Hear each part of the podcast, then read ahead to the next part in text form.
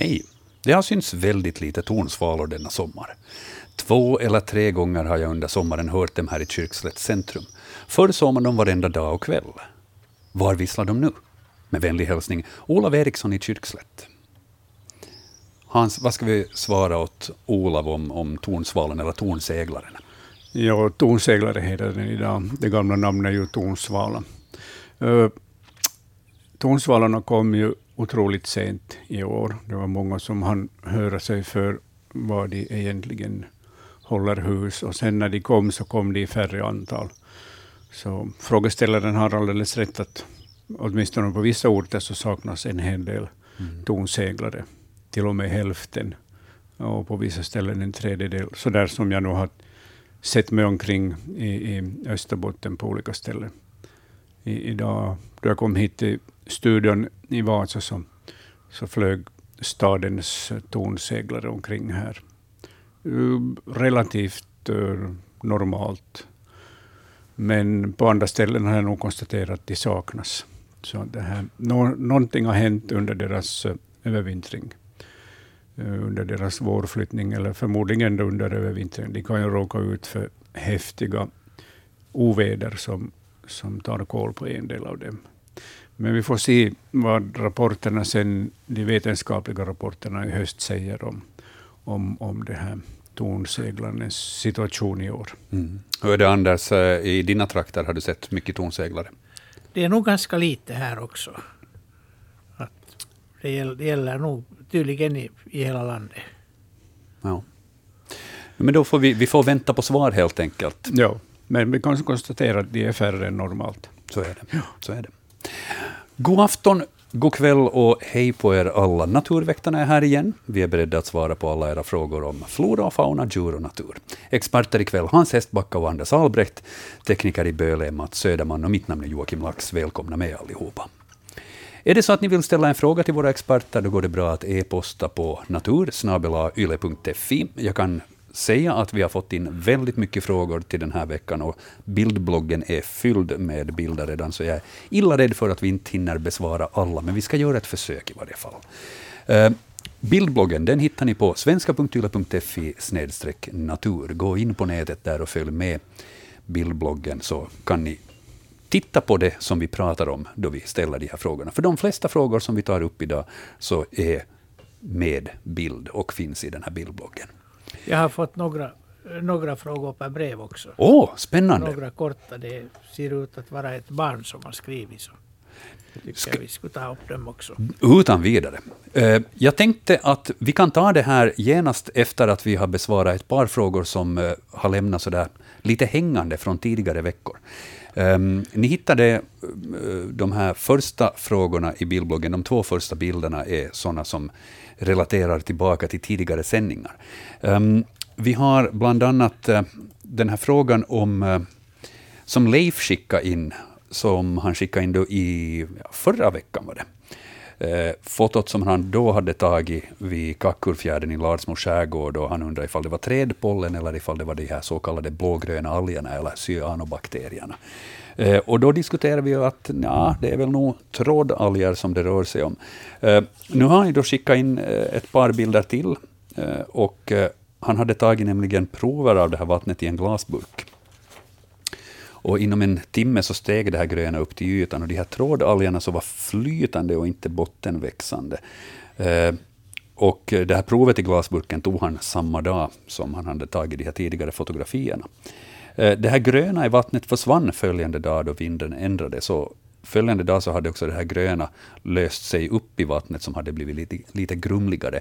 Är det Anders så att vi får revidera vår åsikt från, från förra veckan? Eh, vi får nog revidera, jo. Det här det här är nog blå, blågröna alger eller cyanobakterier mm. som det ska, ska heta nu för tiden. Jag har svårt att vänja mig vid det. Man får väl lov att göra det småningom. Vi har alla svårt att vänja oss vid det. Men cyanobakterier, det, jo, det heter jo, det ser man på den här bleka färgen. Men det, det som inte alls stämmer var den där granngröna färgen som var, som var på bilden. Var det nu förra gången eller när det var? Mm. En sån här mörk, mörkgrön som inte alls inte alls stämmer in med, med de här. De, de har inte den färgen. Kanske, kanske det var, det var färgbalansen som var fel på. det kan hända. Och, och, och, jag menar, det har kommit flera rapporter om de här eh, cyanobakterierna också här under veckan, så på det viset så visst, det är helt rätt och riktigt. Det var precis det som Leif hade fotograferat och, ja. och tagit prover på nu också. Allting ja. stämmer på det viset. Det är ju, det är ju väldigt lite här i Finska viken åtminstone, nästan ingenting. Mm. Så att det, det går, jag vet inte hur det är i österbottniska vattnet. Uh, på många ställen så har det nog uppenbarat sig de här blågröna algerna. Tyvärr.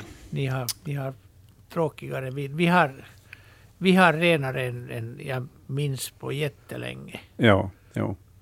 Tyvärr har vi haft en, en utveckling som går mot det motsatta hållet i österbottniska vatten. Att de har ökat platserna och förekomsten. Ja, det, det är tråkigt. Ja. No, eh, vi går vidare från den frågan till en fråga som vi fick in för två veckor sedan, 16 i sjunde. Då var det Teresa som skickade in bilder på någonting hon undrade ifall det var svartklint. Um, hon har tagit nya eh, fotografin nu när blomman har slagit ut, för vi konstaterade då redan att, att då det bara var knoppar så var det väldigt svårt att, att säga vad det rörde sig om. Um, nu är den här 110 cm långa växten Eh, då utslagen med två utslagna blommor, den ena större med glesa ytterblad, cirka 6 cm i diameter, den andra drygt 4 cm.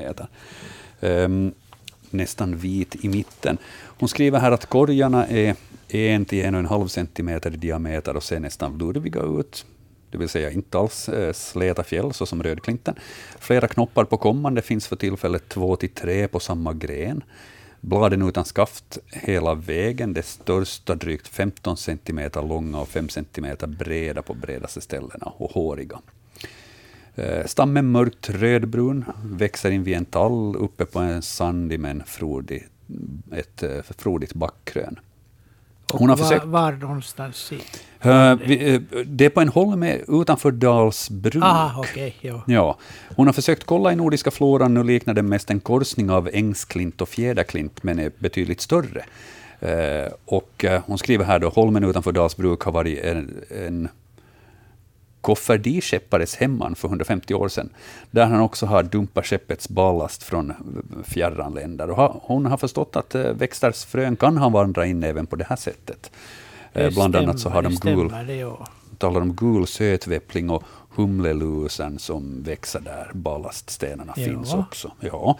Um, så det, det, är väl helt enkelt, kan, kan vi utgående från de här bilderna nu liksom identifiera vad det, vad det rör sig om? No, vad, vad, man kan se från de här bilderna så, så liknar det ju nog ängsklint. Mm. Men att de, är ju, de är ju inte helt skarpa de här Nej. bilderna. Men det är nog det, det, är närmast den jag kommer att tänka på nog med. När jag ser de här bilderna. Ja. Men att det är klart, vi kan, vi kan ju, om, om vi får in växten så kan vi titta. Visst titta närmare för att de, de här främmande växterna är ju sådana som vi inte kan utan till så där utan vidare. Men att det här är nu, det, det vad jag uppfattar normalt som ängsklint, men att den låter ju ganska stor faktiskt. Ja. Hon skriver här också att hon har förstått att det finns hybrider mellan svartklint och rödklint. Har du, är det någonting som har kommit emot? Nej, det, det har jag nog inte mm. stött på. Det, jag, jag, jag skulle tills vidare hålla på ängsklint, men att mm. om, om vi får den här så kan, kan vi titta. Då säger vi åt närmare, det. Men, ja. men den här bilden säger, säger inte mig mer än det här. Då säger vi åt Teresa helt enkelt att tusen tack för uppdateringen av bilderna, men om möjligt skicka in eh, hit till Naturväktarna, Ylevega, postbox 12 00024 Yle, så får vi titta lite närmare helt enkelt. Eventuellt redan nästa vecka. Um, de här breven som hade kommit till studion, Anders, ska vi, ska vi titta till dem nu genast? Ja, vi kan titta. Mm. Titta, jo, det, det är Rickard som har, har några frågor. Ja. Och den första, jag undrar hur länge brännässlan lever. Och det är en, brännässlan är en flerårig växt, så att i, i praktiken lever den hur länge som helst. Det kommer nya nya upp varje år om man, om man inte skär ner dem eller det händer någonting. Mm. Så den, den lever länge. Och så har vi en fråga. Jag undrar om råg och havre, varför det finns odlade växter. Och det är helt enkelt så att när man börjar utnyttja fröna av bland annat gräs och andra växter och så, så börjar man att, odla dem för att ha dem närmare hem så att säga. Man behövde inte springa långa vägar och, och plocka. Och sen började man välja ut de som hade de största fröna eller största frukterna. Och, och sådde dem vidare. Så småningom blev det, blev det till odlade växter. Det vill säga de, man gjorde ett, en sorts naturligt ur, urval men konstgjort. Och det går väldigt kvickt det här. Att därför har vi råg och havre som... De finns ju vilda men då har de mycket små, små korn. Och samma gäller ju med vilda äppelträd till exempel. De har mycket små frukter och sådär. Överhuvudtaget allt som vi odlar så det har man gjort, gjort på det här viset. I dagens läge gör man ju också med genmanipulation. Men, att, men det här har man kunnat göra i längre än man har kunnat skriva ner och, och någonting. Det finns, det finns bevis ungefär så länge människan har funnits här så, så har man odlat. Och sen frågar han ännu om det blir spindeltema i augusti. Eh, det kommer eventuellt att bli, ja, i slutet på augusti så siktar vi på att få eh, en sändning där vi koncentrerar oss lite mer på spindlar specifikt. Så att eh, vi har inte ännu satt ett datum, men räkna med där i slutet på augusti så ska vi försöka få ihop en sån sändning. Ja, var det, var det brevfrågorna? Det var, det var det då. Utmärkt. Skönt. Eh, fortsätt för all del att skicka in brev eller paket också för den delen, alltså då på Naturväktarna, Ylevega, postbox 12 00024 Yle. Och så kan man ju ringa hit till sändningen också. 0611 12 13 är telefonnumret och eh, vi har kvällens första samtal, så vi får säga god afton. Välkommen till Naturväktarna. Tack. Jag hoppas det är jag. Det är det. Hej Mona. Det är Mona Karp. Ja, jag förstår det. Vad roligt att du ringer. Ja, det, orsaken är, är den att, att eh, de meddelade här för en tid sedan att de ska börja forska om fladdermöss i, i Umeå-trakten. Ja. Och då, då funderar jag att får man räkna med att fladdermössen kommer över därifrån och hit till Vasatrakten? Eller, eller hur? Jag vill inte ha det där något mera. Jag, jag, var med om att rädda en fladdermus ur en vattenså hemma på villan i, i Monäs. Och jag hade som tur var handskar på mig för jag ville inte ta i den. Och, och så la jag den på en sten och tänkte att jag, jag tar i den sen och slänger upp den i luften då den har torkat lite. Men men den skötte nog om att den försvann själv. Ja. Ja, det är väl så att fladdermössen har vi ju redan här. Jo, vi har ju det. Mm. Jo, vi har ju nog fladdermöss hela tiden under sommarhalvåret hos oss.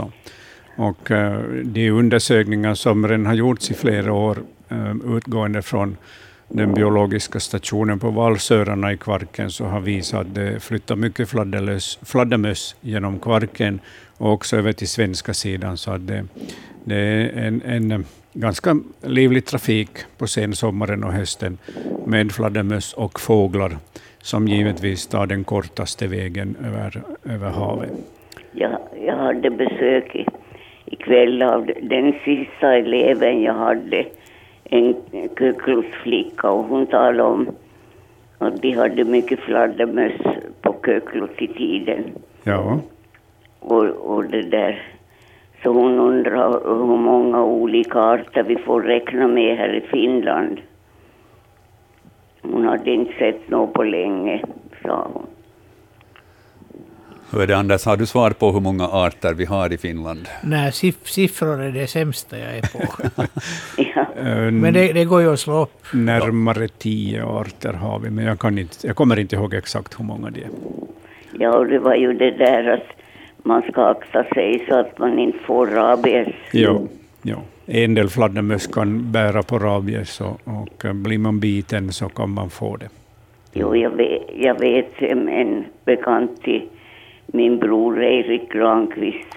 Den där bekantingen han hade tagit i, i någon fladdermus där i, om det var i Åbolands skärgård och, och blivit biten och blev svårt sjuk och jag vet inte om han dog av rabies.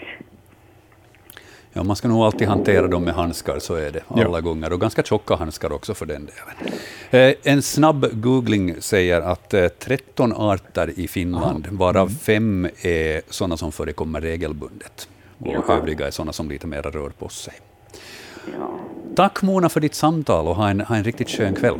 ja, tack, tack för ett bra program. Tack ska du ha. Sköt om Ja, dig. tack. Tack, hej. Hej. 0611 12 13 är alltså telefonnumret man kan ringa hit till Naturväktarna. Vi har ett till samtal direkt här, så vi, vi fortsätter med det. Vi säger god afton, välkommen till Naturväktarna. Jo, det är Lars från Ekenäs, hej. Hej Lars.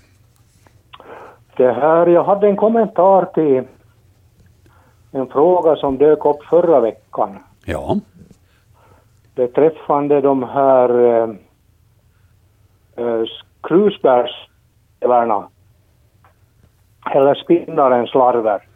ja. Ja, alltså den här steken, ja. Steken, ja precis. Så jag var, jag var utsatt många år av det här, den här stekens larver som åt upp alla blad.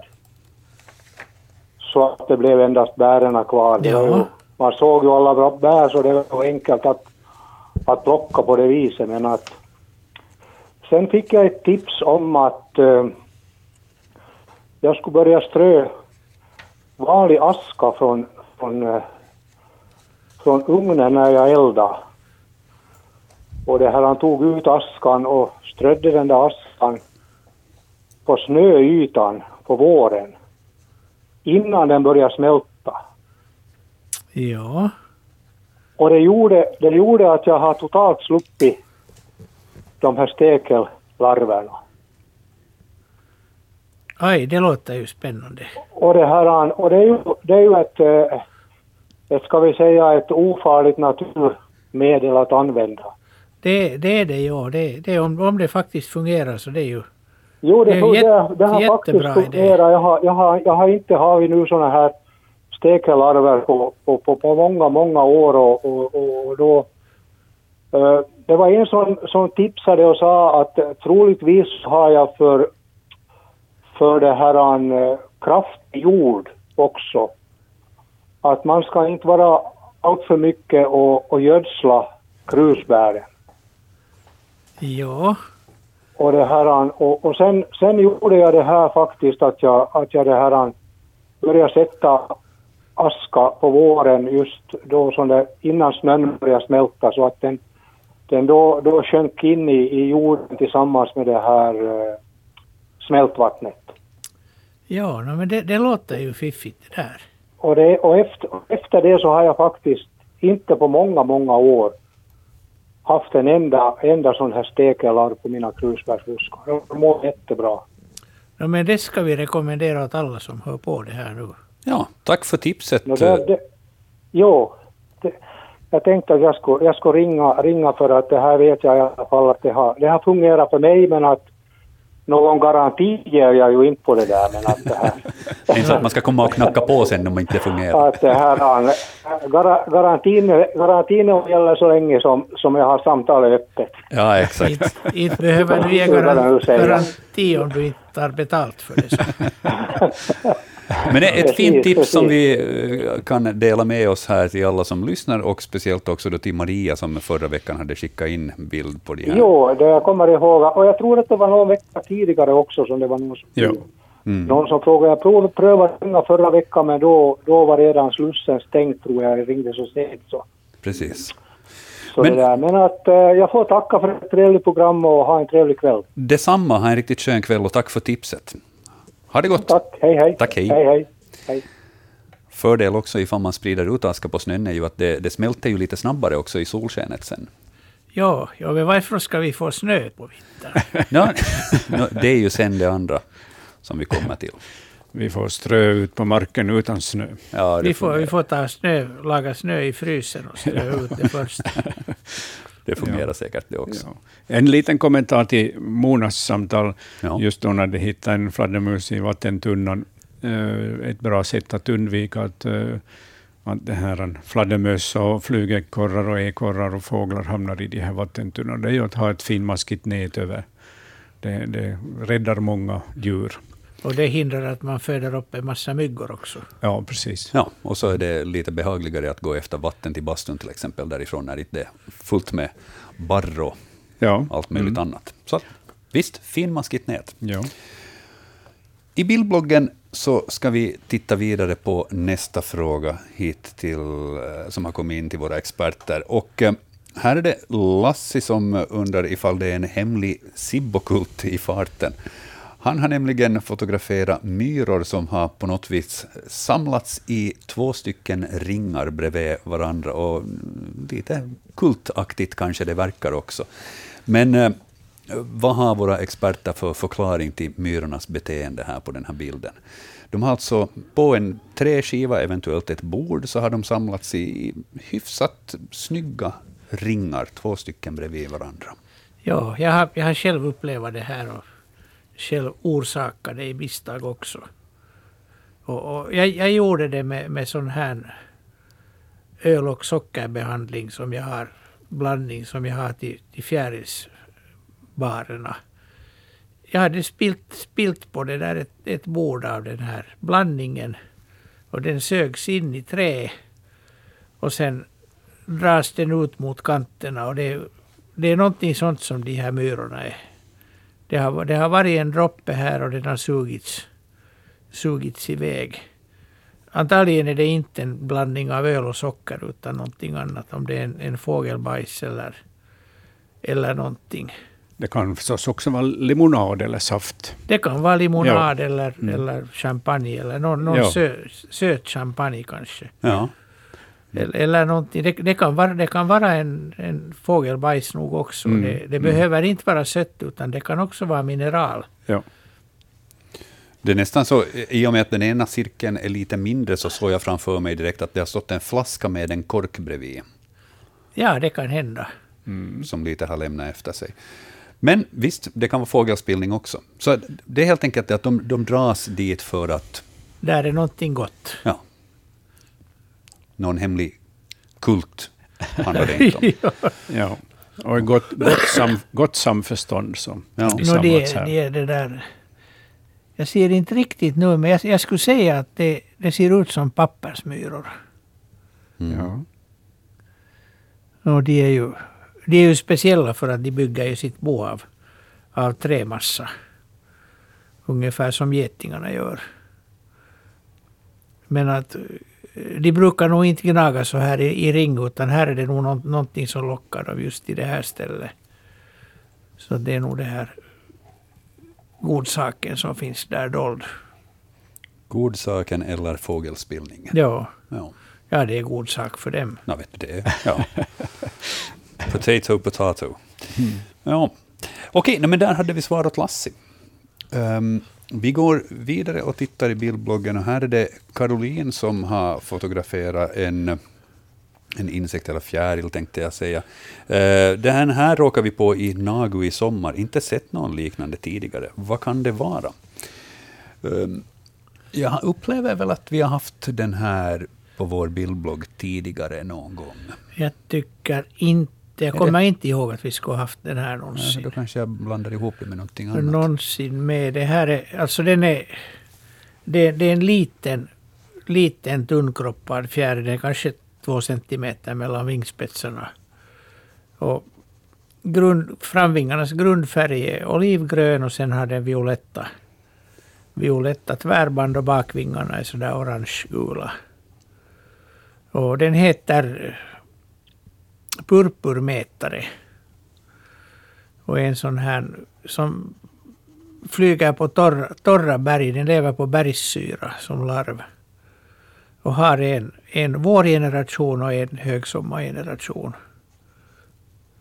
Och den, den är inte någon vanlig, men den kan finnas ganska mycket där den finns. Och just, just på sådana här mycket torra ställen. Det ser ut att vara ett mycket torrt ställe det här också. Mm. Så purpurmätare. Inte vanlig, men kan finnas i rikligt antal på de platserna där den finns. Just det. Men, okej, men då, då, har, då har vi kanske inte haft den här tidigare i jag, jag tror inte vi har haft den. Jag Nej, vi har- ihop det med någon annan. Vi har inte haft den här. Men då har vi haft den nu. Vad Japp. roligt. Tack för Mm. det, Caroline.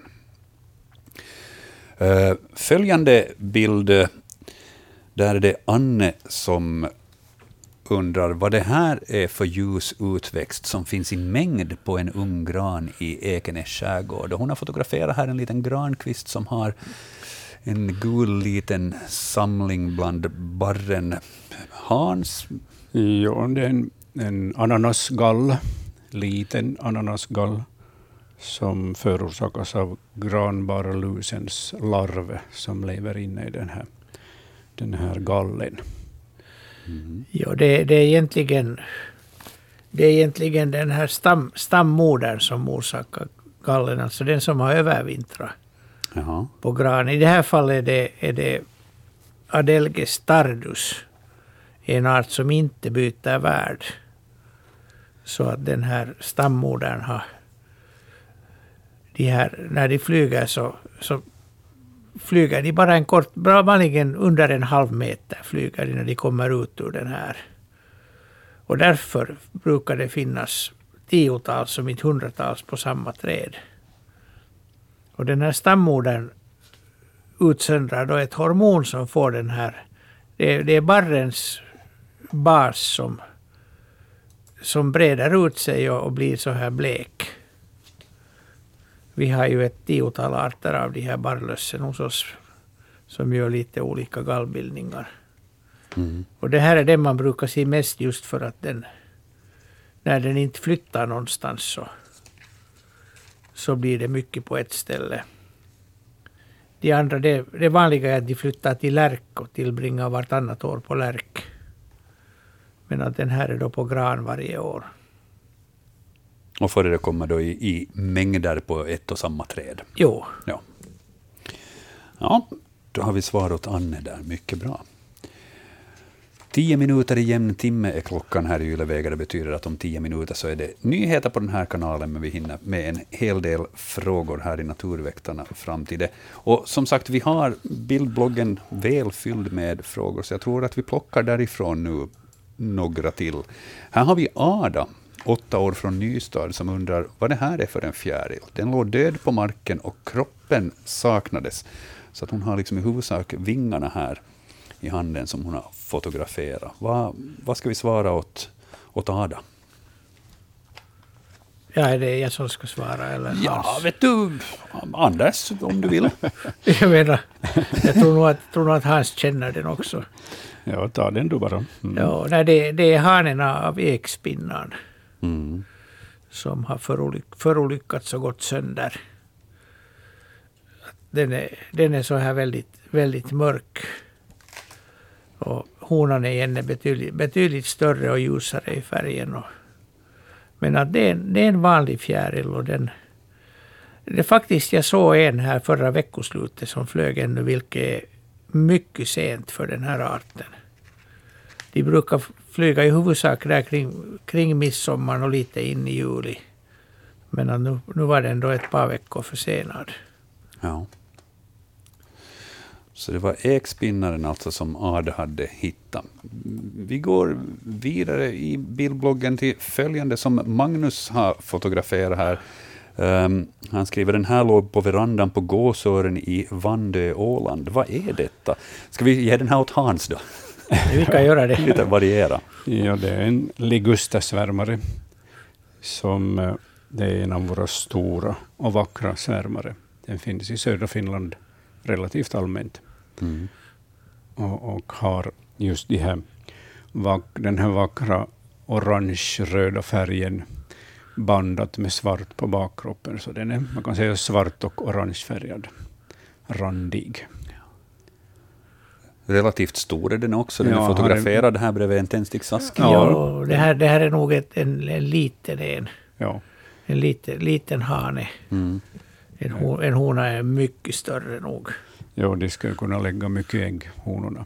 Jo, ja, och den har mycket längre vingar också. Ja.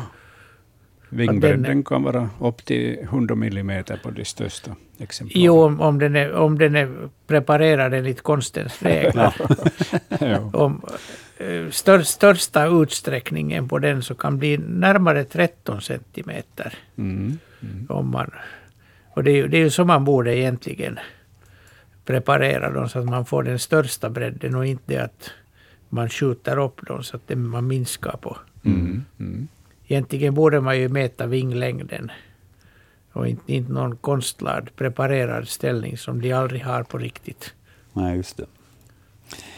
Men Ligustas värmar hane är mm. det som är på bild här, som Magnus undrar vad det var för någonting.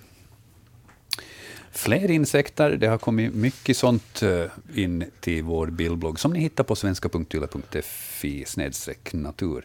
Här är det John som, nej förlåt, Johan eh, i Åbo skärgård. Nej, John ska det vara, i Åbo skärgård, som undrar helt enkelt vad är det här för en insekt? Eh, vingar har den, den har ben som är väldigt, väldigt håriga. Eh, Anders eller Hans, vem, vem vill svara och vem vill beskriva den också lite närmare? Kanske Anders tar den? Jag kan ju ta det. Ja, den, den är stor, den är ett par centimeter lång. Vilket mm. man kanske inte ser så lätt på bilden. Men. Och vingarna är ganska mörka så man ser inte så mycket igenom. Men vi kan ana oss att det finns sån här gulbrunt under. Den är, bakkroppens översida är vackert guld, guldgult, guldbrun, glänsande. Och sen om vi tittar på, på huvudet, så det vi inte ser, men rakt ner från, från huvudet går en sån här trekantig, mycket kraftig och mycket vass sugsnabel. Och det här är en rovfluga, den heter Lafria flava. Vår näst största rovfluga. Och den är, lever på torra, torra ställen, gärna på stockar och stubbar och så här. Och, och huvudsakligen lever de på långhorningar, det vill säga de jagar skalbaggar. Som de, de fångar i benen och så sticker de in sugsnabeln och sprutar den fulla med, med matsmältningsenzym. Och så efter, efter en stund så suger de upp innehållet Jaha. som en soppa. Och bag, baggens skal blir helt intakt efter det. Man bara ser att den är död. Död och väldigt stilla. Och väldigt stilla, ja. ja. Om man ska handskas med de här stora rovflugorna så ska man vara ganska försiktig. För att den där matsmältningsvätskan, när, när de sprutar in den i ens fingrar, så det gör ont. Mm. Man lär, man lär sig vanligen med sin första rovfluga. Ja, det, det räcker med en. Jo. Då hade vi svar där åt John i Åbo skärgård. Um, jag ska ta en fråga som inte är från bildbloggen. Eh, vi får en hel del frågor också utan bild, eh, men som är också väldigt intressanta. Här är Carola till exempel i Tenala som skriver Hej, idag eh, såg jag en stor plog stora fåglar som flög söderut riktning Hangö. Vad tror ni det var jag såg? Vilka fåglar är det som flyttar nu i månadsskiftet? Hans? Ja, om det är flyttande fåglar och, och, så då passar ju storspoven in, och de är ju relativt stora. Det beror på hur man upplever de här fåglarna. Men att spovhannarna flyttar som bäst. Honorna har ju flyttat tidigare och nu är det hannarnas tur. Om det är större fåglar, frågar om större fåglar, så då är det vitkindade gäss eller grågäss som pendlar ut till havet eller till skärgården för att sova på nätterna och så kommer de in på morgnarna för att äta på fastlandssidan igen. Eh, de här två alternativen är de troliga. Mm. De är, de är, Kanadagåsen är en möjlighet också. Ja, ja de stora gässen. Ja. Så de, de, de pendlar ju varje dag in och Ja, var, var var det här någonstans? Ekenäs. Ekenäs. Ja, och Carola i Tenala, Tenala. skriver Mm, hon här. ja. Ja. Tenala då kanske, ja. Det blir lite, lite mera in, inomlands. Då kanske Grågåsen inte så, så aktuell där. Ja, grågåsen kan nog flyga ganska långa vägar in till fastlandet, men för att beta på god mark. Ja, jag tycker de inte gör det bara här i trakterna. Ja, De, är- de är mm. väldigt kustnära av sig. Ja. Mm. Hörrni, en, en fråga som kan behandlas eventuellt ganska kort eh, här innan nyheterna, det hinner vi. Eh, Saga undrar så här, är det sant att får drunknar när de simmar på grund av att det fylls med vatten bakifrån? Ja, det, det är sant. ja. De kan, de kan inte stänga, st- stänga det där ändtarmen. Så det är faktiskt så Ja, att... alltså de, de drunknar inte för att de får vatten i ändtarmen, men de sjunker. Ja. Så att man, man ska lite vara försiktig när man badar sina får. Jag, jag måste säga att jag är nästan lite förbluffad över att svaret är ja, det är sant, för att det hade inte jag förväntat mig. Jag tänkte att nej, men det här är väl nog en skröna på något vis. Och att får eventuellt då har drunknat på grund av att de har haft en väldigt stor liksom ullpäls och, och, och därför då kanske varit... Och det, det, det, det kan de också göra, men Ja. det är nog sant att de, de, de, de blir vattenfyllda bakifrån. Där ser man. Vilket fenomen. Ja. Sen eh, en till fråga hinner vi besvara så där kort. Det här är också en sån här 30 sekunders fråga, tror jag. Finns det svarta huggormar? undrar Stefan. Ja, det finns det. Helsvarta huggormar finns det. De behöver inte ha det här Zigzagband. Nej, de behöver inte sånt. vara svarta och grå och ha zigzagband, utan de kan vara helsvarta. Det är två olika färgformer, eller, eller ska vi säga mönster. Mm. Båda har sin fördel. De svarta så suger bättre i sig värme på, på våren, och, och värme behöver de ju. Men dess, dessutom, samtidigt så kan de ju synas bättre på ljust underlag, så de plockas mer av ormvråk och andra fiender. Men svaret där är ja, sådana Ja. finns. Mm. Du lyssnar på Yle Vi är framme vid den nionde bilden i ordningen här. Eh, och det är Viveka som har skickat in en bild. Hon skriver kort och gott så här. Vad är detta? Den här konstiga figuren fanns på utelampan, cirka 50 millimeter uppskattningsvis. Eh, jag har förstorat upp den här bilden en aning, men eh, det ska väl inte vara större svårigheter att artbestämma den här. Ska vi kolla vad Anders har till exempel att säga om den? Ja, in- inte den allt för lätt inte. Mhm. Det, det ska vi säga att det är 90 procents chans är det en poppelsvärmare och 10 procent att det är en aspsvärmare. Vi, vi kan inte se art, de artskillnade kännetecknen i den här vinkeln. Den är ju fotograferad bakifrån och den lutar bakkroppen uppåt. Ja, den är, den är fotograferad så att vi, vi ser inte vi ser inte basen av bakvingarna från översidan. Den är nämligen rostbrun hos poppelsvärmaren och, och grågrön hos aspsvärmaren. Men poppelsvärmaren är oändligt mycket vanligare. Ja. Så vi utgår från den, att det är den. Då är det det vi ser åt Viveka. Och är det så att hon, hon ser den här krabaten fler gånger, så då var det alltså den här färg, eh, färgskillnaden som hon kan spana och, efter. och, man, man måste lite lyfta på framvingarna för att se den. Mm. Den, är- när den sitter så är den här roströda färgen helt dold. Och den, den använder det till att blinka med och skräm, skrämma hackspettar och andra. Åtminstone försöka. Ja. Så att den, den syns inte när den sitter vanligt utan... Men att eh, det, det finns skillnader på översidan också. Andra, andra utom den här roströda färgen. Men undersidorna är väldigt lika. Mm. Men förmodligen poppelsvärmare, det är det vi får säga åt Viveka. Mycket bra. Då ska vi ta och titta vem vi har på telefonlinjen. Vi säger god afton, välkommen till Naturväktarna. God afton. Eh, jag är nog blind, men att eh, Eh, jag hade eh, min assistent som eh, såg någonting som jag nog har inte varit med om tidigare.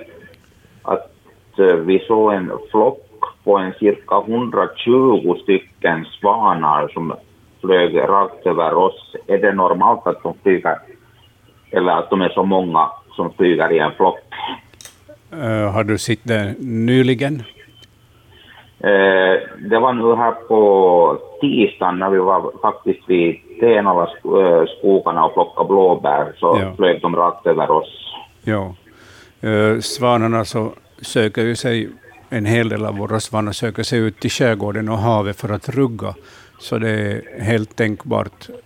Så här stora flockar så brukar vi inte ha på sommaren, men att vi har ju otroligt mycket svan i, i, i vårt land idag, så att det är helt möjligt. Ja, ja.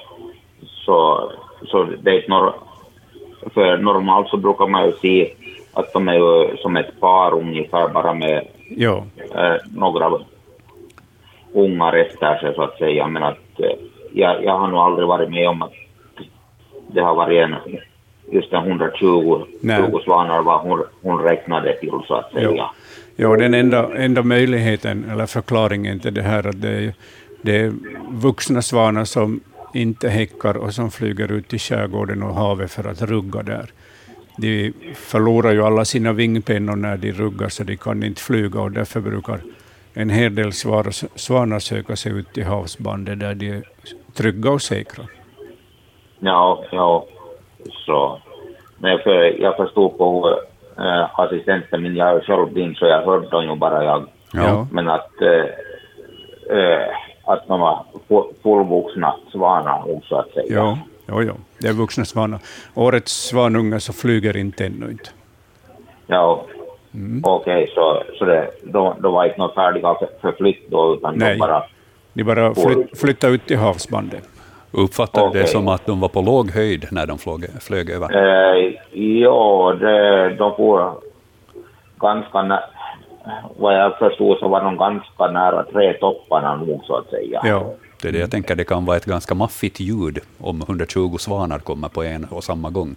Ja, eh, ja de var ungefär en, en eh, 30 till 40 stycken i, i klungan och sen var det ett litet mellanrum och så var det lika mycket igen så att säga. Ja. Mm. Så det var som i, i tre klungor så att säga. Precis. Intressant observation, hör du. Tack för samtalet. Okej, okay, tack ska du ha. Ha en riktigt skön kväll. Tack, hej. Tack, hej. Ja, 120 svanar på en och samma gång. Mm. Det är ganska mycket det. Det är nog det. Ja. Vi ska titta vidare i bildbloggen här i Naturväktarna, då vi nu är tio minuter efter jämn timme. Um, vi har kommit fram till bild nummer 10 där i ordningen. svenska.yle.fi natur, där hittar ni vår bildblogg. Eh, det är Marika som frågar nu, vad är det här för en mossa eller växt? Hon vet inte riktigt vad det är. Det finns flera långa revor och vi har av dem på tomten i Ingo.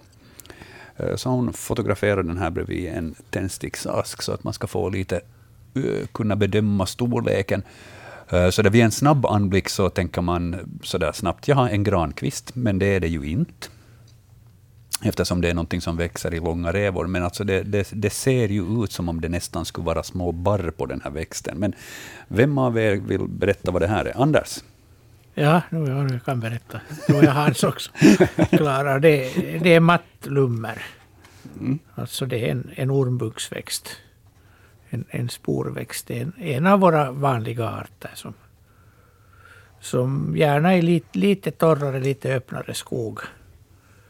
Att, gärna i tall, tallskog, men också i gran, men att lite öppnare. Att ren, revlummern är ju sen mera i, i frodigare skog. Och plattlummern sen är ännu torrare av de här vanliga arterna här i söder. Men att det här är, är mattlummer. Mm. Är det så att den växer alltså så här längs med marken? Den, jo. Ja.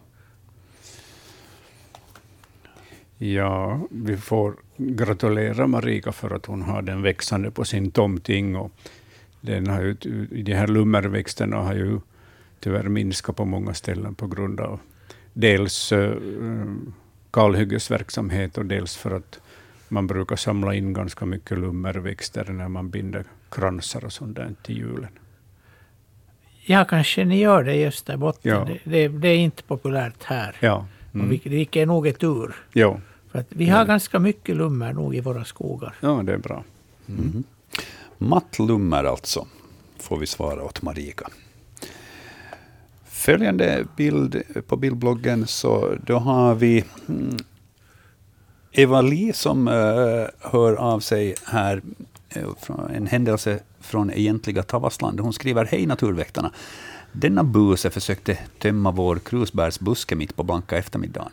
Vi tror att det är en mårdhund, fast dess päls ser korthårigare och mindre fluffig ut. Och dess svans är inte heller alls burrig som på mårdhundar vi har sett. Men vad säger ni? Det här skickade hon in som ett videoklipp och jag har tagit ut en stillbild därifrån och satt in den på bildbloggen. Och eh, Hans, Hans, är det här en mårdhund? Jo, det är en mårdhund. Man ser det på den här ansiktsmasken som den har, att, att det är en mårdhund. Och, och det är typiskt för mårdhundar att, att plocka krusbär den här tiden i trädgårdar. Eh, mårdhundar äter mycket bär och, och krusbär gillar de speciellt mycket. Så, att, så de är inne på gårdarna och, och tar för sig allt vad de hinner. Och det är klart att den har sommarpäls på sig. Det betyder att den är kort och inte alls lika fin som på vintern. Men sen den här, den här mm, mycket smala svansen, så, så det är inte otänkbart att den faktiskt har skabb med början på svansen. De brukar nog ha uh, hår tillräckligt på svansen för att det ska se ut som en svans, men det här ser mer ut som en en liten käpp i bakändan på, Mm. på den här mårdhunden. Och mårdhunden drabbas ju av, av skabb, precis som reven också. Så det är lite bekymmersamt för, för den här mårdhunden. Ja. Men mårdhund, det är svaret, det är precis det som, som de har fotograferat, eller filmat var det i det här fallet. Um, Gunnevi, vi kan behandla hennes fråga här också på, på bildbloggen nu genast. Eh, hon skriver så här, jag vill gärna veta varifrån så här mycket vita näckrosor har kommit i en liten uppgrävd damm där inga andra sjöar eller träsk finns närmare än två kilometer fågelvägen.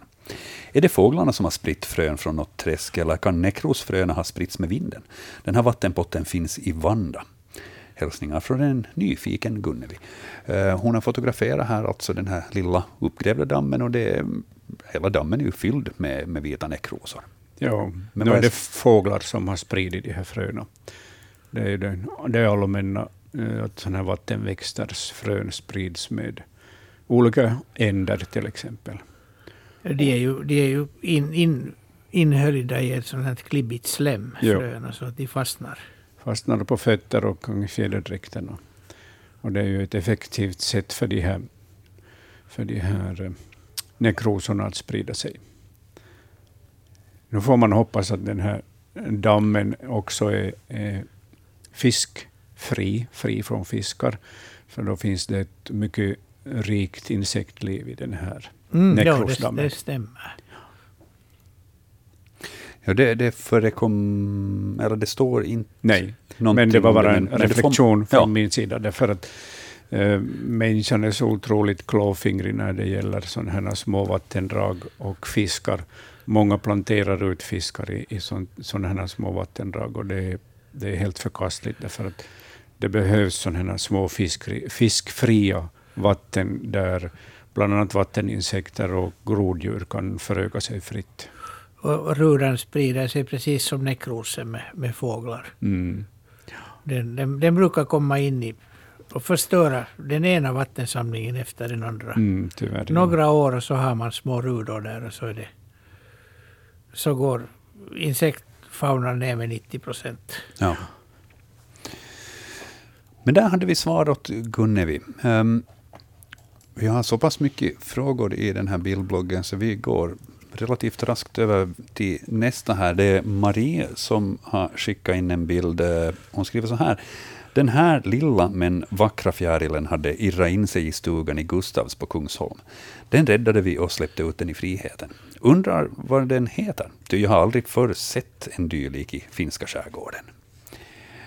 Fjäril med eh, ljus, eh, ljusa vingar, liksom ljus botten och sen är det svarta och lite orangea markeringar. Men eh, kanske Anders beskriver den bättre. Ja, men det, det, är just så här svart, svarta fläckar och, och orangea band. Och alla typisk, typiska varningsfärger för en fjäril. Vitt, vitt orange och fläckigt. Ja, den här det är en krusbärsmätare.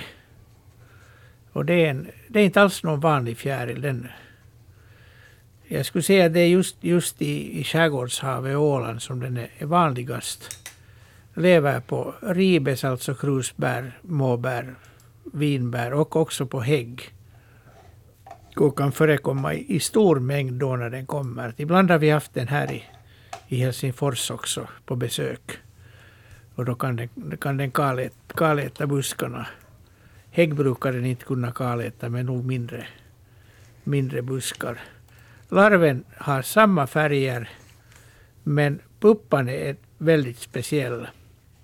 Den, den hänger fritt uppe i, i, i lövverket ut, utan någon större kokong, lite några trådar i kring, vilket är ytterst sällsynt för en, en mätare.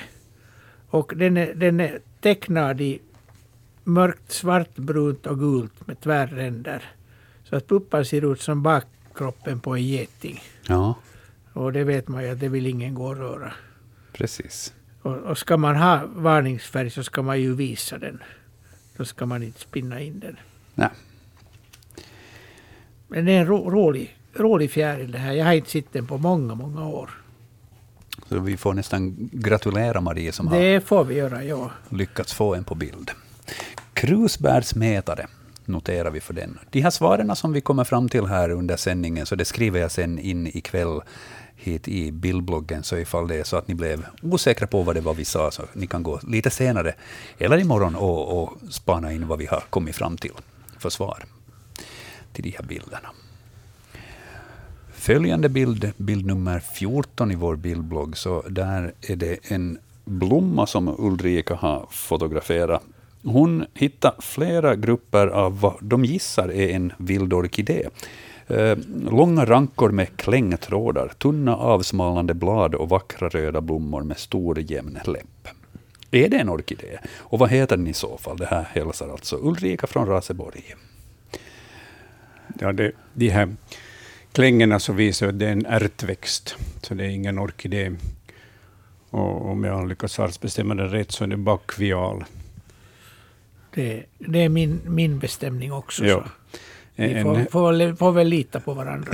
ja, en högväxt och mycket vacker ärtväxt. Och, och, eh, alla de här ärtväxterna så är ju omtyckta av, av pollinerande insekter och dessutom så, så gödslar de marken med kvävefixerande bakterier. Så de är bra på många sätt, de här och de är om, omtyckta av många, många andra insekter också. Så de, ja.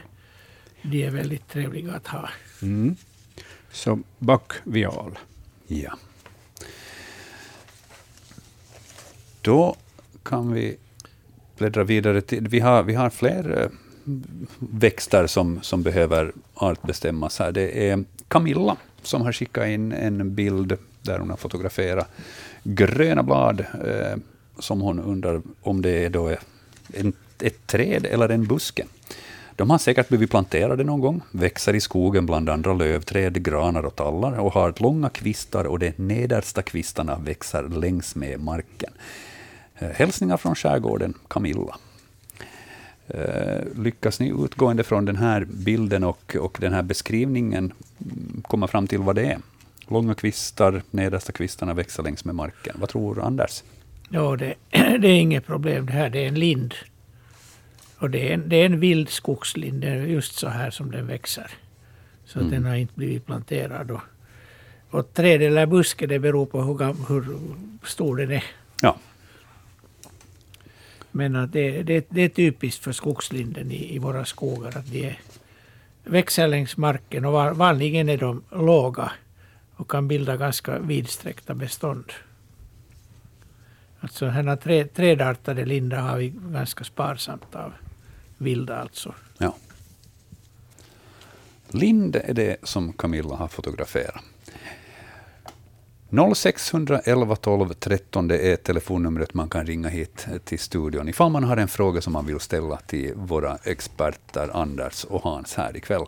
Um, är det så att inte det är någon som ringer just nu, så då går vi helt enkelt vidare i bildbloggen. Jag tänkte bara öppna för den möjligheten, men det brukar ju vara så att sen då jag konstaterar att vi går vidare med våra bilder i bildbloggen, så då börjar det att ringa igen. Men just nu, inget samtal på gång, så vi, vi tittar helt enkelt vidare. Bild nummer 16. Um, ehm, Erika, som har fotograferat en insekt som hon undrar helt enkelt att kan den här göra skada åt en nybyggd stockstuga? Uh, hur skulle du beskriva den här, Anders? Eh, det, en, eh, det ser ut ungefär som ett ägg. Så där lite, lite blek, blekgult med lite rosa ton och sen har den fyra rader med svarta prickar längs mm. rader. Och det här är en larv eller puppa. Jag skulle nästan tippa på att det är puppa, men det är svårt att, att säga i den här vinkeln av, av en skalbagge som heter aspglansbagge. Alltså en bladbagge. Och den, den lever då på aspen och äter blad så att den gör ingen skada på stockstugan. Så hon behöver inte överhuvudtaget vara orolig för det ifall hon har hittat den där inne i sitt nybygge. Ja, var den inne? Eller? Eh, jag antar det, för att jag upplevde att, att fotografiet var kanske taget på ett bord eller någonting sånt. Det kan hända, ja. ja alltså det, det normala är ju nog att den ska vara ute. Men ja. Det kan vara på ett utebord. Ja, det, det kan, det, också, ja. ja. ja. Men stockstugan bör stå säker, åtminstone från den här. Jo, jo den här gör nog inte något, något den inte. Ja, det är ju skönt. Skönt för Erika att veta. Aspglansbagge. Larv eller puppa, får vi svara åt henne där.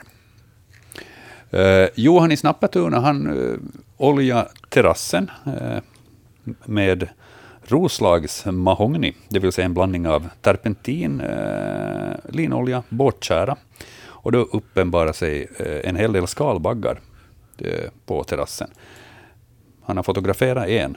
Som bäst hade han ett dussin av dessa hjälpredor som vandrar på det nyoljade trädäcket. Men vad är det här för en skalbagge och kan den ha dragits till den här nyoljade eh, ytan utav kärdoften helt enkelt? Det här undrar Johan från Snappatuna.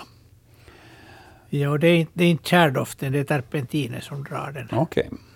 Och den, den, den, kom, den kommer till färskt virke. Det är sån där typisk om man bygger av färskt virke så kommer det av de här. Och det är en, fast man inte skulle tro det så är det en långhorning. Den har ju både korta horn och korta ben och ungefär en och en halv centimeter lång. Och, och som man ser på bilden så har den ganska kraftiga käkar. Ja. Så att om, om den biter en i fingret så då strittar blodet nog. Den heter bitbock. No, bitbock. Ja, så den är, den är typisk om man, om man bygger något med färskt virke så så får man dem liksom under, under högsommartid. Ja. De kommer flygande. Och däremellan kanske man inte ser den på flera år. Men det här är lite i samma kategori som den här rovflugan vi diskuterade tidigare. Att det räcker med att man blir biten en gång kanske och så har man lärt sig. Ja, ja. Om, om, om, man inte är den här, för att den där rovflugan... Nåja. Den, den rovflugan, Lafria flava, tror jag inte klarar den här. Men Mm. Men dess släkting Lafria gibbos klarar nog en bitbock. Just det. Det blir giganternas kamp låter ja. nästan som. Men, men du säger en sån här så den, den kan nappa i en ganska rejält också om den, man hanterar den, den ovar, ordentligt, ovarsamt. Ja, den gör det inte tyst heller, utan de gnisslar ju ljudligt, de här större långhorningarna. Ja, då, då vet man att passa sig helt enkelt. Ja. Nå, Johan i Snappatunen fick svar där på sin fråga. Nu har vi ett telefonsamtal som väntar på att få komma in. Vi säger god afton, välkommen till Naturväktarna. No, det här är Mikaela Lappalainen, hej. Hej Mikaela. Jag undrar, kan en stackmyra invadera ett vanligt hus och börja bo där? Ja. Det är inte normalt. Alltså en, en närsläktad, en, en stackmyreart kan man säga är stubbmyran. Jaha. Som, som ofta, ofta bygger i upp längs, längs murkna stubbar och, och döda trädstammar. Och, och jag har upplevt att de har börjat bygga bo i till exempel under, under yttertaket på hus. Och, Ja, no, det är just upp det som har hänt. väggarna. Ja. Och, och den ser ut som en stackmyra men den är den, den saknar all svart färg. Och Vad saknar den? Den saknar svart färg. Den är, den är så här rent, rent rödbrun, ganska lysande. Lång, långa ben. Nej, jag har tittat på den här. Den har svart huvud och svart stjärt och, och sen är det rött däremellan. Eller Ja, och då, då, rödbrunt. då, då har ni nog hästmyror då. Nej, men den är så liten.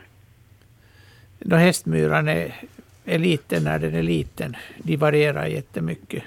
Ja, men alltså de, de här kom... Ja, no, men...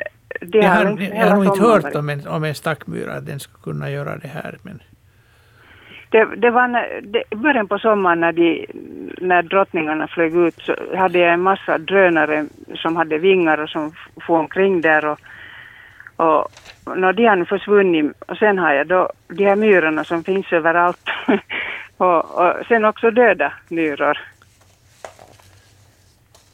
jo, jag, alltså det, det kan hända att de kom, kom upp under svärmningen och, och att de nog inte då bor i huset.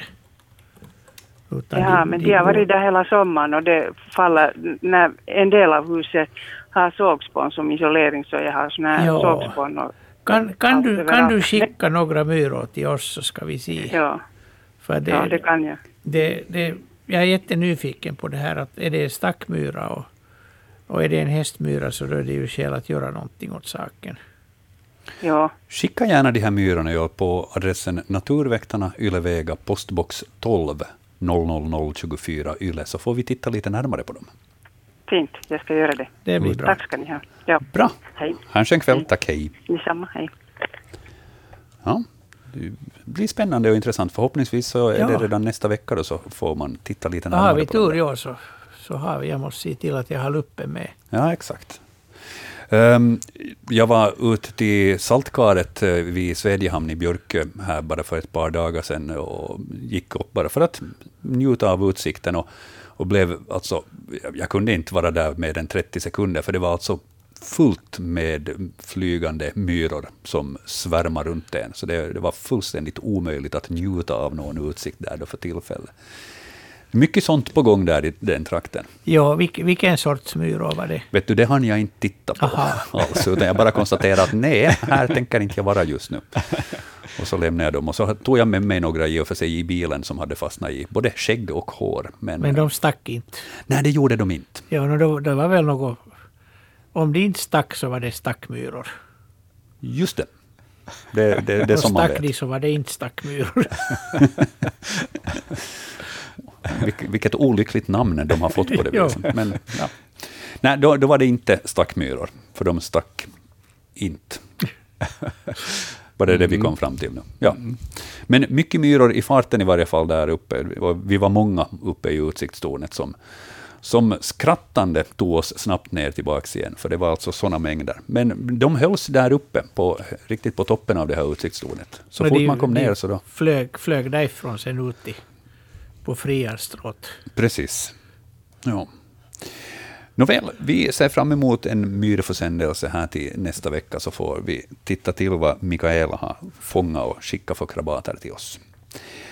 Vi ska titta vidare i bildbloggen som ni hittar på svenska.yle.fi natur. Eh, turen har kommit till eh, Amelies eh, fotografi.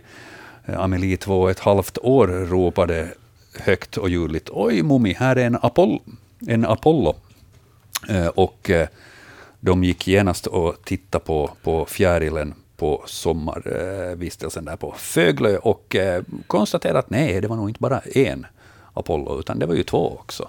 Fint fotografi, Hans. Ja, man får nog säga grattis till Amelie som, som det här redan har lärt känna Apollofjärilen Ja. och säkert andra fjärilar också. Ja, aj, de är nog så fina. Ja, det är det. Och här har vi då två stycken som har bakkropparna mot varandra, så att de... Mm, de parar sig och Ja, lagar nya Apollofjärilar. Det här är ju en starkt hotad fjäril i, i vårt land som, som är skyddade enligt lag och, och man försöker vårda biotoperna som de lever i. Torra, torra backar där det växer kärleksört och, och vit fetknopp som de här larverna lever på. Ja, no det, det brukar inte vara vit fetknopp hos oss. Nej. Utan det, det är mera i Sverige. Men att, Kärleksörten. jo, det, det, det är den som är. Och sen, sen de, de finns ju ute på de yttersta, yttersta skären. I, utskären. Och där, där klarar de sig riktigt bra. Att de, de, de var ju tidigare utbredda. De fanns vid riksdagshusets berg i Helsingfors och ännu på 50-talet. Men att de är väldigt, väldigt sällsynta. Att den, den, har, den har setts i så långt österut som Porkkala nu och då enstaka gånger. Och, och Hangö är den också en mera tillfällig gäst. Och så har vi ju ett par inlandspopulationer i, i västra Nyland. Och sen, sen har ni ju i Kvarken någonstans också Mm. av dem. Ja, men sällsynt förekommande. Jo, Man får hop hoppas att, att det här aktiva skyddet bevarar den här. jag, jag, tror- jag tror att den, den, här, den här förföljs nog inte av någon. Nej, inte längre. Nej. Förr så samlades ju en hel del av de här in, men att inte idag. Ja, men det var nog inte det som orsakade tillbaka. Nej, det är ju biotopförändringarna. Biotopförändringarna och, och, och sen det man tror att stod knäcken på det mesta var att det blev en indiansommar på hösten. Och, och, och diapausen på larverna bröts. De började äta igen på Ja. hösten. Mm. Och då, då kunde de inte gå i vinterdvala mera. Utan de dog allihop. Mm. Men den har ju stadigt kommit tillbaka nog. Ja. Långsamt men, men stadigt. Strångt jobbat av Amelie, två och ett halvt år, som kände igen den så där bra. Jo, Ja, jo. ja. Roligt att få ett sådant här vackert fotografi också på de här två. Um, 0611 12 13, det är telefonnumret hit till studion och vi har någon som har ringt så vi säger god afton. Välkommen till Naturväktarna. Hallå? Hallå? Ja, nu är det du. Okej. Eh, Jag är mycket ledsen. Det där, en stenknäck hade flugit mot vårt fönster. Ja. Så det är en fågel som man aldrig ser annars. Men nu fick jag studera den ordentligt och det var en hane. Ja, Och det där, en- vecka senare så tror jag att dens barn också flög mot fönstret och dog. Nu undrar jag, det här är kyrkslätt och jag undrar hur vanliga de är. Finns det en chans att, att honan hittar en ny man och ja, det finns det nog. det finns det? Ja, stenknäcken är ju inte vanlig hos oss, men att den förekommer här och där och, och eh, i lite större antal i södra Finland. Den lever gärna där det finns eh, högvuxna lövträd, ädelträd och, och eh, nyttjar den fågelmatning som vi sysslar med på vintrarna. Det brukar vara en och annan som har stenknäck eh, på sin gård under, under vintern och, och kan njuta av de här vackra fåglarna med. Ja, vi, har, vi har väldigt många, många olika slags träd och en mycket stor ek där jag Ja. trodde att den bodde. Ja, så att den, jag, jag tror att chanserna är, är ganska stora att ni återfår stenknäcken som häckande där. Okej. Mm. Vad ska man göra med fönstren annars då? När, Ja, det finns alltså vissa fönster så, så är, är ju nästan som magneter på fåglar och drar till sig fåglar och fåglarna Ja, flyger ihjäl sig. Eh, Ett sätt att, är att hänga blåa band utanför fönstret ner mm, från, från övre kanten. Ett annat, jag sätt, måste skaffa, jag måste skaffa blåa band. ja, Det var, ett annat sätt är att eh, man skaffar rovfågelsilhuetter silhuetter Ja. på sparvhök eller lärkfalk och klistrar fast det på fönstret. ja, vi, det, det var tre koltrastar på samma dag Oj. som flög mot köksfönstret. Ja, Och dit hängde vi en, en hök. ja. Mm. Och nu är ju följden det, sen dess har ingen flugit mot det fönstret, men, men det, vi ser inga andra fåglar där heller. Ja, det är bättre, bättre om du får tag i sådana här silhuetter som man, kan, som man kan tejpa fast på fönstret. Alltså Ja. inte, inte en fritt hängande attrapp, utan, utan sådana Mm. mörka silhuetter. Så det kan man få på Ja. någon naturbutik kanske. För att de skrämmer inte bort fåglarna desto mer, men de eh, skrämmer bort fåglarna från Vi märker fönstret. att det inte går att flyga där Ja. heller. De, Ja, och sen det andra alt- alternativet är klarblåa band som hänger ner framför fönstret. Mm. Det är ett par Okej. tips som du kan pröva på. Tack för Utmärkt. det här. Ja, tack för ditt samtal. Ha en skön kväll.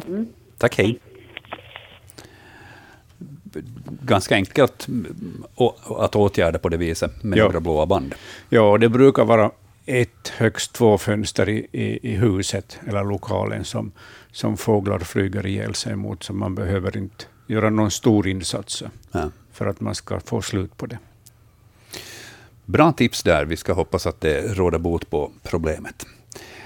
Vi tittar vidare i bildbloggen här i Naturväktarna. Eh, vi har kommit fram till bild nummer 19. Ehm, och det är Helena som har skickat in en eh, bild på en död insekt som hon hittade på sin terrass i Sundom skärgård. I Vasatrakten alltså. Hon har aldrig sett en sån här likadan tidigare och blev fundersam på vad det är. Och kanske vi har någon förklaring till det här. Hon har fotograferat den eh, bredvid ett måttband också, så att vi på det viset ganska lätt kan, kan titta till storleken. Eh, Anders eller Hans? Ja, Ja. En, Ja, en klubbhornsstekel. ja, Ja. Och sen får du säga artnamnet. ja, den heter Kimbex femoratus. Det är en, vi, vi har tre av de här Kimbex-arterna som vi känner igen på den här vita halvmånen här. Mellan, mellan och bakkroppen. Det vill säga det är en, det är, det är en inskärning i, i ryggplåten så att man ser det här integumentet där under. Och de, är- de är lätta de här tre Kimbex-arterna vi har. Vi har den här femoratus som lever på björk så den är, den är så här röd, rödbrun med svart bas och svart ända på bakkroppen. Och de andra är gula i bakkroppen med ett blått band vid basen. Bredare hos den som är på säljen. Nej, på den som är på alha bredare och smalare den som är på sälj. Men sen har vi ännu släktet rikki och, och de är lite trickiga nog. De är svåra att bestämma. Men att det är vanligen de, de här kimbex vi brukar få hit och de, de går allt, allt så lätt. Vi kunde kalla den björkklubbhornstekel den här. Ja. Hur är det med eh, mörkkantad klubbhornsstekel? Går det namnet också? Eller? Det har jag aldrig hört. Okej. Vad heter den på latin? Just eh, Det kunde, det kunde vara cornatus kanske. Kimbex femorata. Ja, det är samma, ja. Ja, det är samma. Det är rikssvenskt namn. Ja, det, det är ju det att eh, svenskarna har så dåliga namn på de här. De, de, alltså de har så dåligt med namn. Ja. Mm. Att det, det finns inte. Att, I Finland har vi ju en namnkommitté som, som fungerar väldigt Mm. effektivt. Men att svenskarna har... Det, kom, det kommer sen när nationalnyckeln kommer att behandla de här. Jaha. Då ger de svenska namn. Mm. Men att till dess så är det ingen som besvärar sig. Ja. Men en imponerande stekel. Den, Ja. är, den är nog imponerande. Jo, ja. verkligen. Den här var alltså död på hennes terrass och hon har inte sett sådana här tidigare där, men, men de är inte alltså ovanliga på det viset. De är inte alls ovanliga, Nej. men de är ju... De flyger ofta ganska högt upp bland trädtopparna och sen, sen när de är slut så då förlorar de förmågan att flyga och sen kryper de omkring på marken en stund. Det är då man brukar hitta dem. Ja.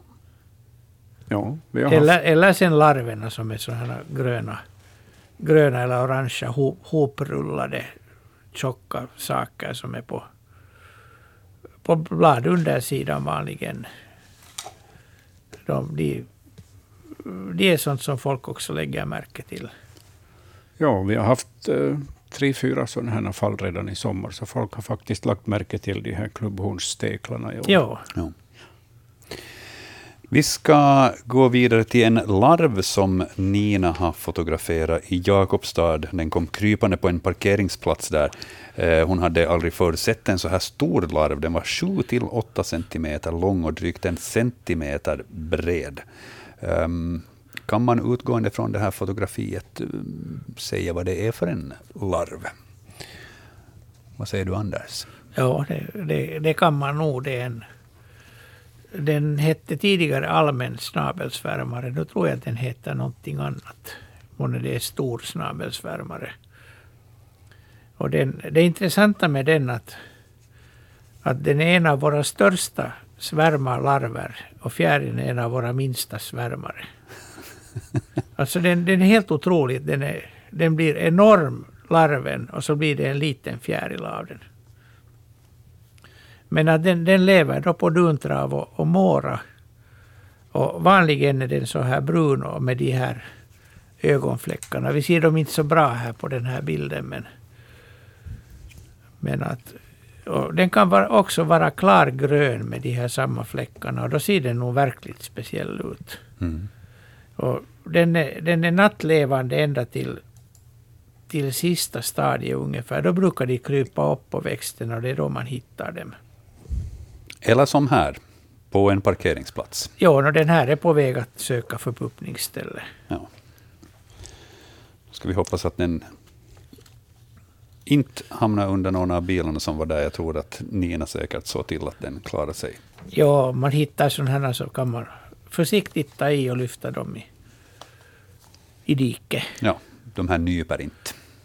Nej, de gör, de gör ingenting. Man ska ta försiktigt, för om de spottar på sig så dör de av det. Så att man ska ta det väldigt öm, öm, ömsint försiktigt. Mm. Och så som vi har talat tidigare om diverse larver här under sommaren, så har det ju varit att håriga larver så ska man i, mån, i, i viss mån i varje fall undvika att, att röra för att de här håren då lätt kan fastna jo, och sticka Jo, en. om man inte vet vilka håriga mm.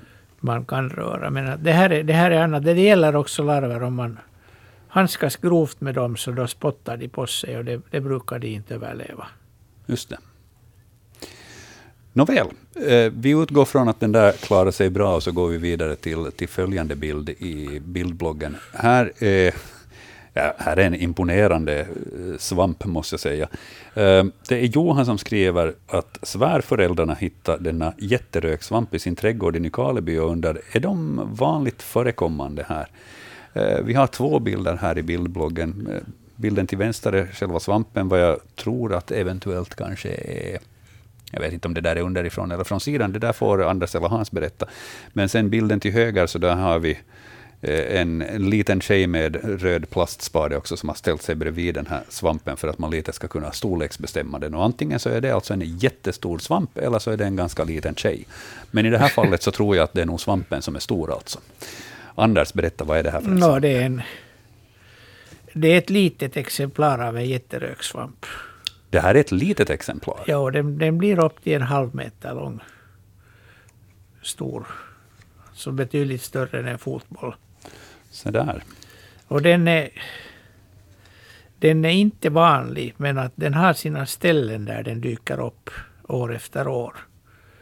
Vissa, vissa, ofta är det på någon kyrkogård eller något liknande ställe där de, där de dyker upp. Ja. Men att vanliga är de inte, absolut inte. Okej, okay, så där Det här har vi... var ett, ett fint, fint fynd. De är ju ätliga. Men att röksvamparna är, är inte något, något, något höjdare att, att äta. Det, det, det, det är lite, lite sådär pappersartat eller styroxartat eller någonting. Det är liksom de är svår, svårtuggade, lite sådär vaddiga och smakar ingenting extra. Så om man känner sig tvingad eller ifall man bara är väldigt, väldigt nyfiken, så går det att äta? Det går, det går att äta, ja. Ja, men jag, jag tror att de flesta som har försökt så har varit besvikna och, och gör inte om det. Nej.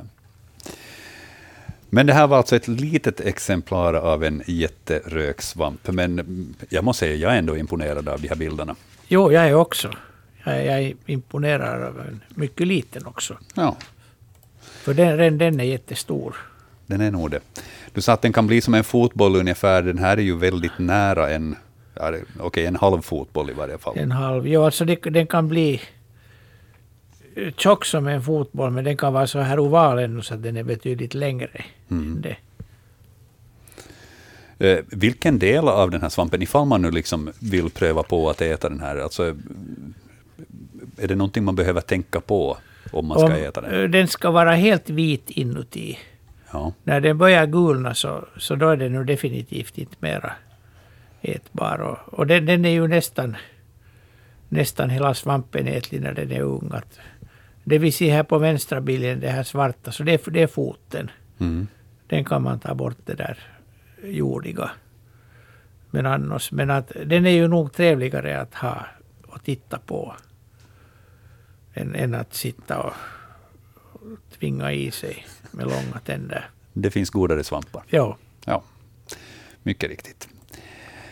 Uh, vi ska titta, det är ingen som ringer för tillfället, så vi går raskt vidare i bildbloggen, så kanske vi faktiskt närmar oss också de här sista frågorna som vi har här. Um, här har vi Elliot och eh, Noeli, nu ska vi hoppas att jag uttalade namnet rätt. De undrar vad det här är för en fjäril. Deras morfar säger att det är en nattfjäril.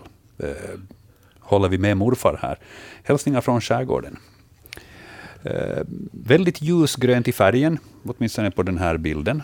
Och sen så kan man se svaga mönster som går mera i gult.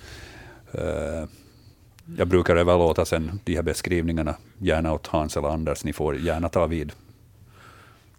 Ja, en vacker bild på en dagfjärilmätare som just går i så här ljusgrönt och sen har den eh, två eh, vågiga ljusa band på vingarna. Och dessutom vita prickar ännu längre ut på de här vingarna. Och den, den är stor, den, den är, den fyra centimeter? Ja, upp till fem centimeter till och med. Till och med det, ja. Den, ja. den, den flyger mest uppe, uppe i trädtopparna. Att man ser den väldigt sällan. Utan, men om, om, man, om man sitter med lampor ute på natten så kan man se dem komma dalande ner från topparna. Och, och, och sätta sig på, på lakanet vid lampan. Ja, en vacker artbild ännu. Ja. Ännu en av de många som våra lyssnare har skickat in. Ja. ja. Men eh, jag försöker ta fasta på det här som eh, deras morfar då säger att det är en nattfjäril. Det är en nattfjäril, jo. Det är det. Så ja. där får vi säga ja. Men den heter dagfjärilmätare. Ja. ja. jag menar... Det är som stackmyrorna och stack. Precis, jag sträcker upp händerna här och säger ja, ja, okej, okay, vi säger väl det. Dagfjärilmätare och det är en nattfjäril. Larverna lever på lövträd, främst björk. Björk och al. Björk och al, ja. Mm. Jo, den som, som ung lever den på, på hängena. Att den, den kläcks mycket tidigt på våren och, och lever på, på hängena av både björk och al. Och sen går den över till bladen.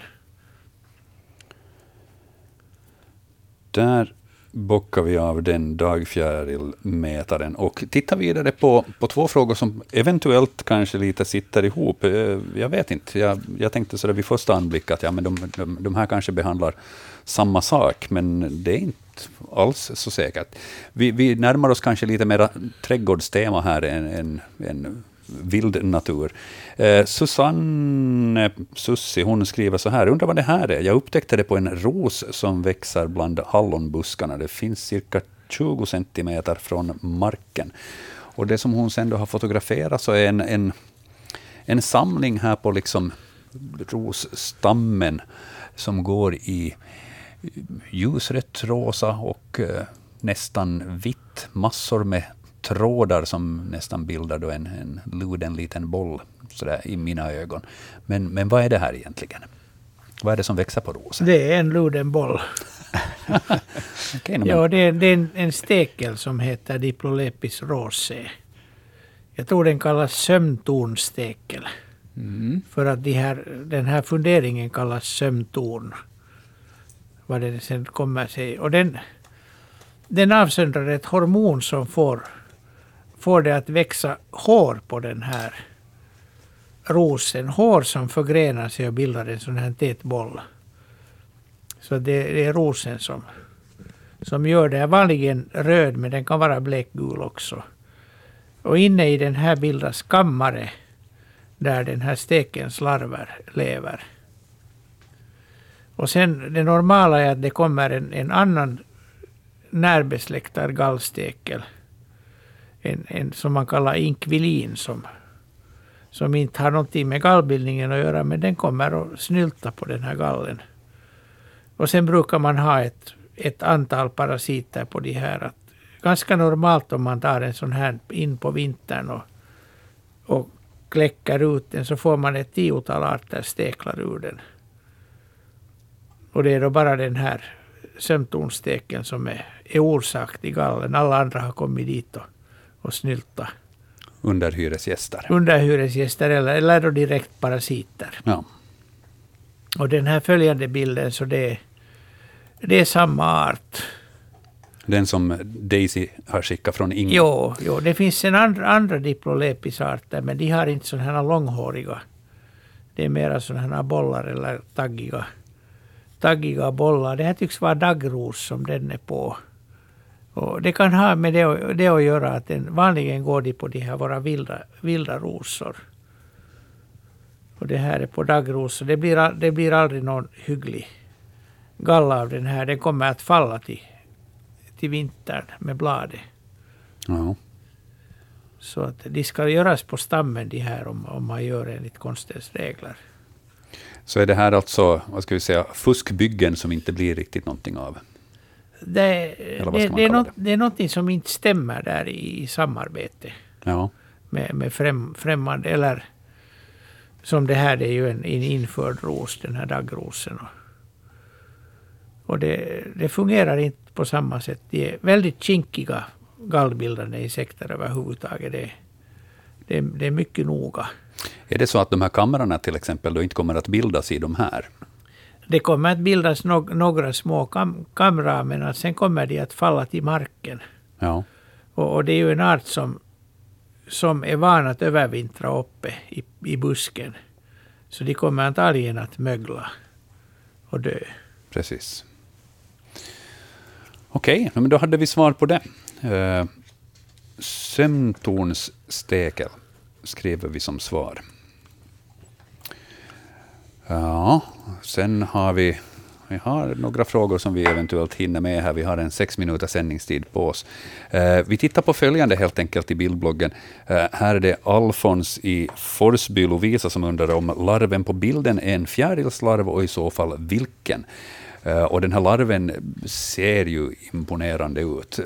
Ska vi säga helsvart med gula Eh, streck, eh, som, eh, hur många streck har den? En, två, tre, fyra, fem, sex, sju. Ja, eller tvär, tvärfläckar. Tvär, tvärfläckar, ja. Och sen så sticker det ut också någonting som ser ut som rätt grova hårstrån. Ja, de, de är som, som paddlar, de här håren. De är sådär platta. Ja. Platta i ändan. Nu, nu ser inte vi hur stor den är på den här den bilden. Den är men... ungefär två, tre, tre centimeter ungefär. Ja som vuxen. Och den heter alaftonfly. Och det här är ju en typisk varningsfärg. Svart och gult. Svart och gult och det, det är riktigt. Men som ung ser den helt annorlunda ut. Den är så här vit, vit rosa, grå, grå och brun och ser helt enkelt ut som en liten fågelkorv. Så den, den byter plötsligt från från, från kryptisk eller, eller den försöker se ut som någonting som ingen fågel vill äta helt enkelt.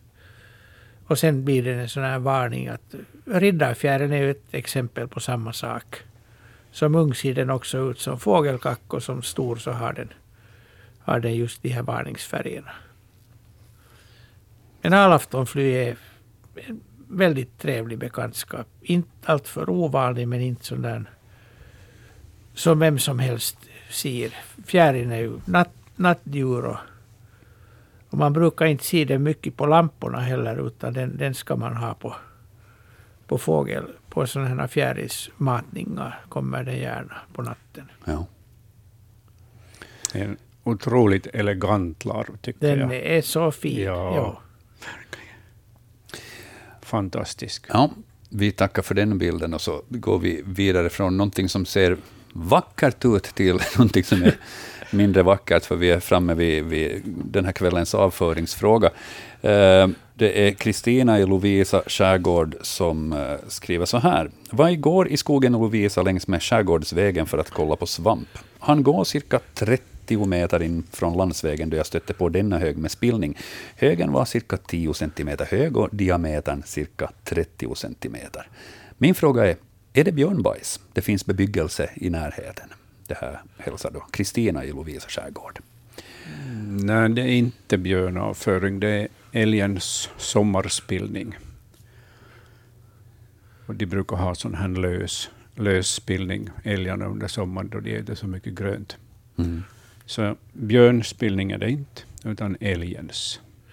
Och så sitter där en stolt tordyvel på ja. och tror den äger alltihop. ja. Ja. ja, det kanske den gör. Den gör det nog inte länge. Ja, den får dela med sig. Den får nog dela med sig, ja. ja men ett otroligt fynd för tordyveln. Jo. Eh, klockan är så pass mycket så jag kommer att hoppa över en uh, fråga här och gå till sista bilden som vi har i bildbloggen. Uh, det är Tom från Chimitoön som i fem dagar i rad sett två stycken snokar som vilar på en grankvist några meter från stugknuten. De har varit åtminstone sex timmar per dag där och mot kvällen så söker de sig sen till ett närliggande stenröse. Den mindre snoken är cirka 80 centimeter lång och har klara ögon, men den större, som är cirka 110 centimeter lång, så den har blå ögon. De verkar inte vara rädda, för man kan komma riktigt nära och till och med röra vid dem. Varför detta beteende, undrar Tom. Vad kan vi berätta? Snokar kan bli så här vana vid människor så att de inte flyr. Och, och I äldre tider så fanns det faktiskt folk som hade hussnokar som betedde sig just på det här sättet. Den här vita eller blåa färgen på den ena snokens ögon så visar att den just ska ömsa skinn. Så sen när den har ömsa skinn så får den klara ögon igen.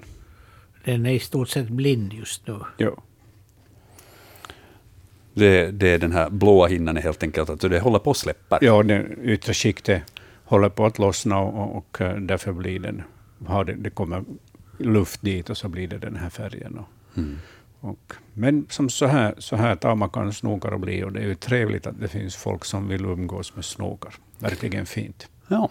Och jag menar, de hjälper ju till att uh, hålla bort vad ska vi säga, allt från mängder av, av möss och grodor och liknande. Så varför inte ha dem som husdjur, mm. de här snokarna? Ja. Vackra och spännande att följa Visst är det det, ja. Trevlig bild också som Tom hade skickat in och nu fick han också svar på snokarnas beteende. Det här var de frågorna som vi hinner med i Naturväktarna den här kvällen. Jag kommer här nu efter sändningen att eh, fylla i svaren i vår bildblogg så att ni kan efteråt gå in och titta ifall det var någonting som ni upplever att ni har bommat. Men jag får säga stort tack till Hans Hestbacka och Anders Albrecht för expertisen ikväll och eh, tack också till Mats Söderman som har skött det tekniska i Böle. Och eh, stort tack till er alla också som har lyssnat. Ni kunde ha gjort vad som helst den här kvällen, men ni lyssnar på oss och det är vi så glada och tacksamma för. Det är ni som gör de här sändningarna nämligen. Hör av er till oss ifall ni vill. natursnabelayle.fi är e-postadressen och vill ni skicka brev eller paket eller liknande så är det Naturväktarna, Ylevega, postbox 12 00024, Yle som gäller.